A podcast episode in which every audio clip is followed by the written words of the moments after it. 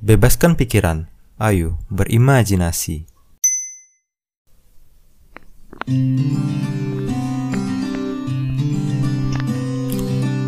Cerita lagi yuk. Eh, salah. Cerita yuk. Daripada ngelantur terus, sesekali cerita lagi lah. Halo semuanya. Masih sama aku ada Prayoga. Gimana hari-harimu? Masihkah bersemangat hari ini? Atau malah baru bangun? Biasanya jam berapa sih kamu dengerin podcast Bebaskan Pikiran? Aku sih bakalan upload tiap pagi mulai sekarang. Jadi gimana? Kamu mau dengerin podcast ini sambil sarapan atau kapan aja juga boleh. Yang penting gak dengerin ya di sela-sela kamu bosan atau waktu lagi beraktivitas. Boleh banget. Udah oke kita langsung aja ke segmen cerita yuk. Pada episode kali ini aku bakal bercerita di podcast ini tapi bukan dari hasil karanganku ya. Cerita ini aku dapat dari buku yang berjudul Berbagi Kebaikan Random Acts of Kindness dari Chicken Soup for the Soul. Penulis dari cerita yang akan aku bacakan ini bukan aku bacain ya, akan aku ceritain ulang. Ini bernamanya namanya Melissa Fox. Cerita ke-85 dari buku ini yang berjudul Kejahatan di Kota Besar. Hmm, ternyata bukan. Oke, langsung aja masuk ke ceritanya. Ceritanya, Melissa baru aja tiba di Korea Selatan untuk tugas mengajar selama satu tahun di sana. Melissa bisa bahasa Korea sedikit-sedikit saja namun itu tidak cukup baginya. Untuk pergi keluar, ia harus membawa alat alamat rumahnya dalam tulisan Korea agar ia tidak tersesat saat pulang.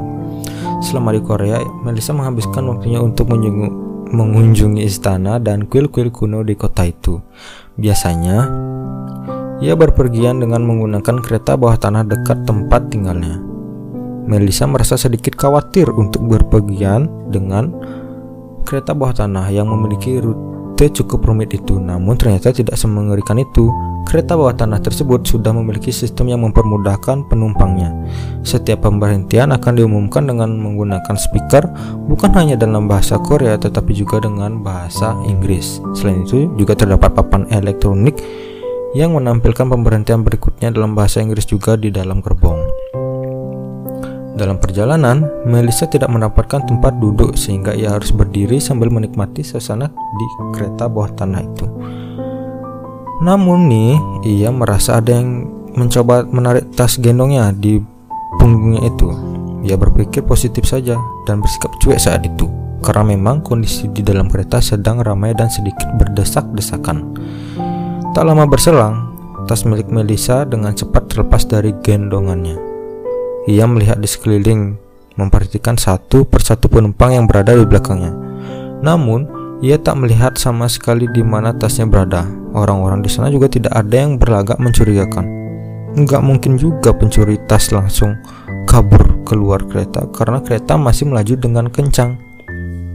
Melissa tidak khawatir dengan dompet ataupun surat-surat yang berada di dalam tasnya tersebut tetapi ia lebih mengkhawatirkan alamat, catatan tempat tinggal dan buku kontak yang berada di dalam tas itu juga. Dengan kata lain, ia lebih takut tersesat. Beberapa menit kemudian, sampailah di pemberhentian berikutnya. Isi gerbong sudah mulai berkurang. Melissa memperhatikan setiap orang yang melewatinya. Tas miliknya tak ketemu juga. Saat gerbong sudah sedikit lebih sepi, Melissa melihat tas miliknya dipangku oleh seorang nenek tua yang duduk di seberangnya. Melissa berpikir mungkin si pencuri sudah mengambil uang dan membiarkan tas itu tertinggal di gerbong, sehingga diambil oleh nenek yang sedang duduk itu. Melissa mencoba berusaha mengambil tas miliknya dari pangkuan si nenek, namun nenek malah mengambil eh malah memegang tas milik Melissa semakin erat dengan ekspresi yang tidak senang.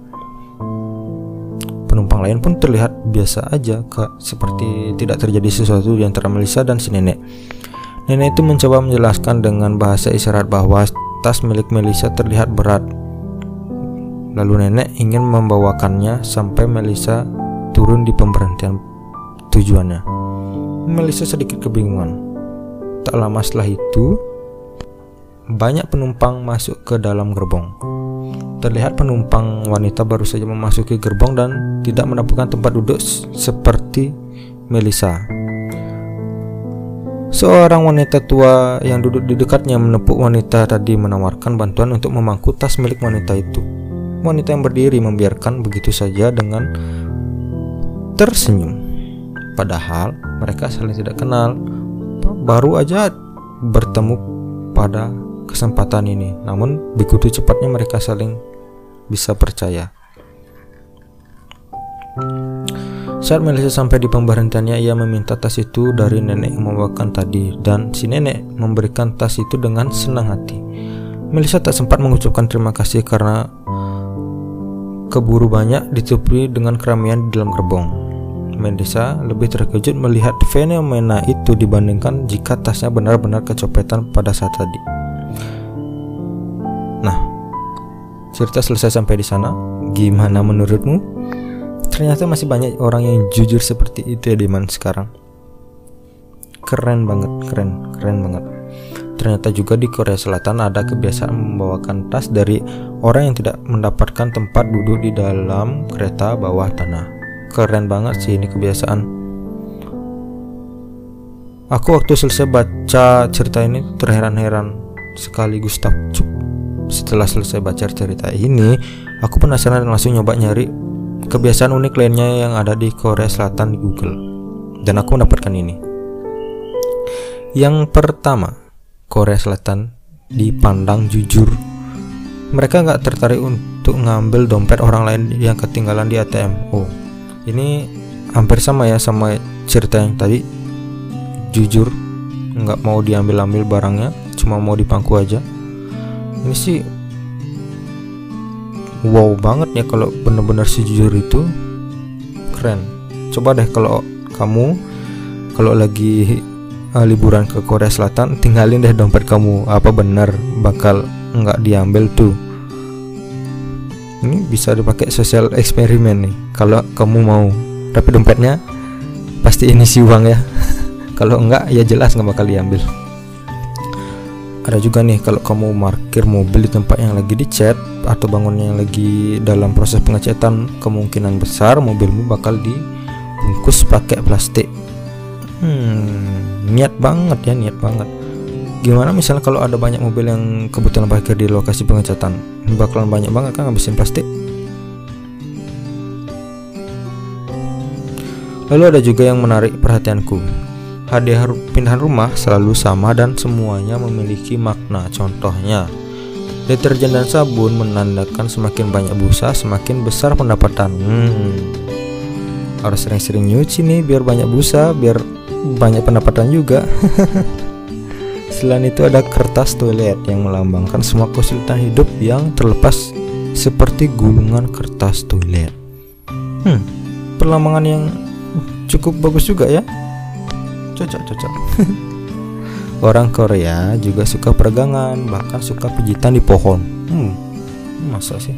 Tapi aku lihat di gambarnya juga gitu.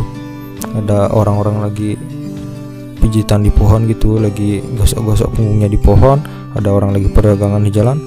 Mungkin karena ini hmm, mungkin karena jam kerja di Korea itu cukup padat ya.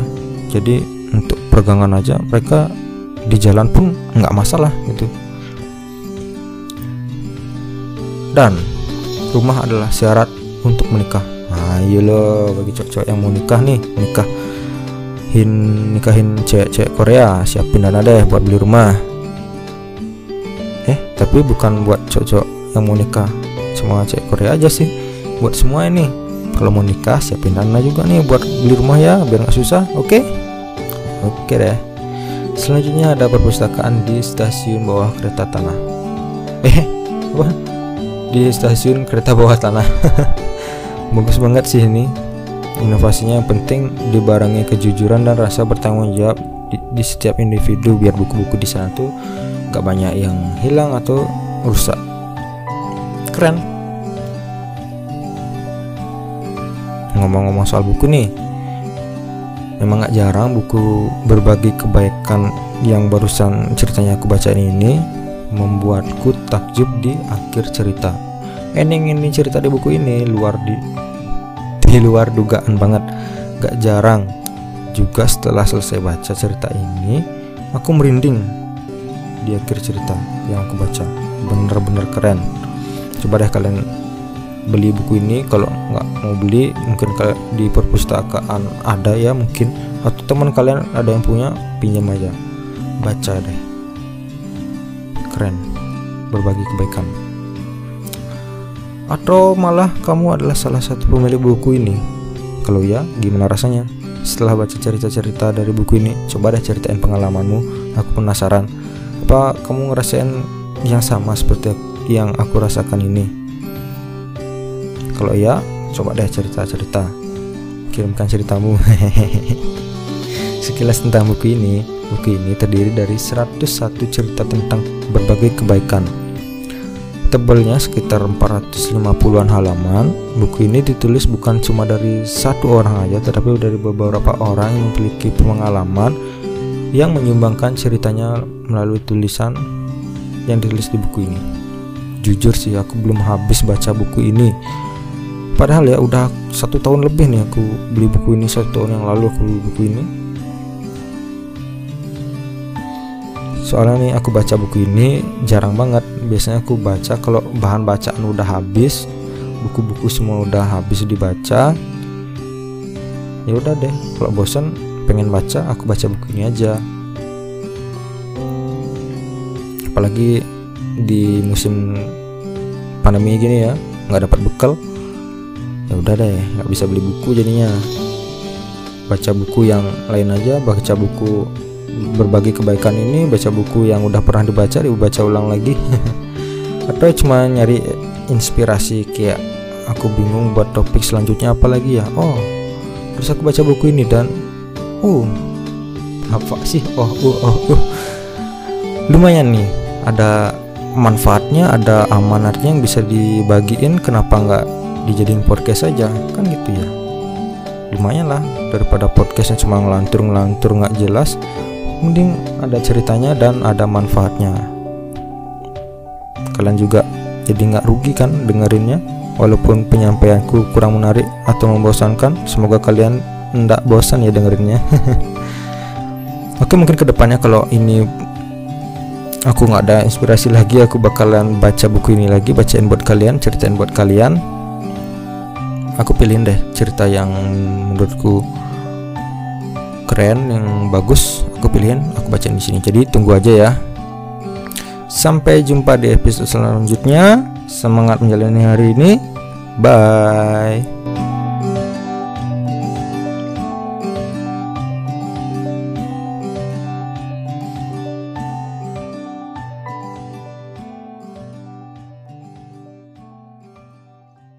Sesuai judul dan tema podcast ini, maka di sini Podcast Bebaskan Pikiran akan mengajakmu berimajinasi dengan membebaskan pikiran.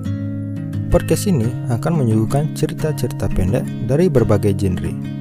Curahan yang akan menemani kalian dan pembahasan lainnya yang menarik untuk dibahas. Tentunya, podcast Bebaskan Pikiran akan menemanimu saat beraktivitas ataupun bersantai di mana saja dan kapan saja.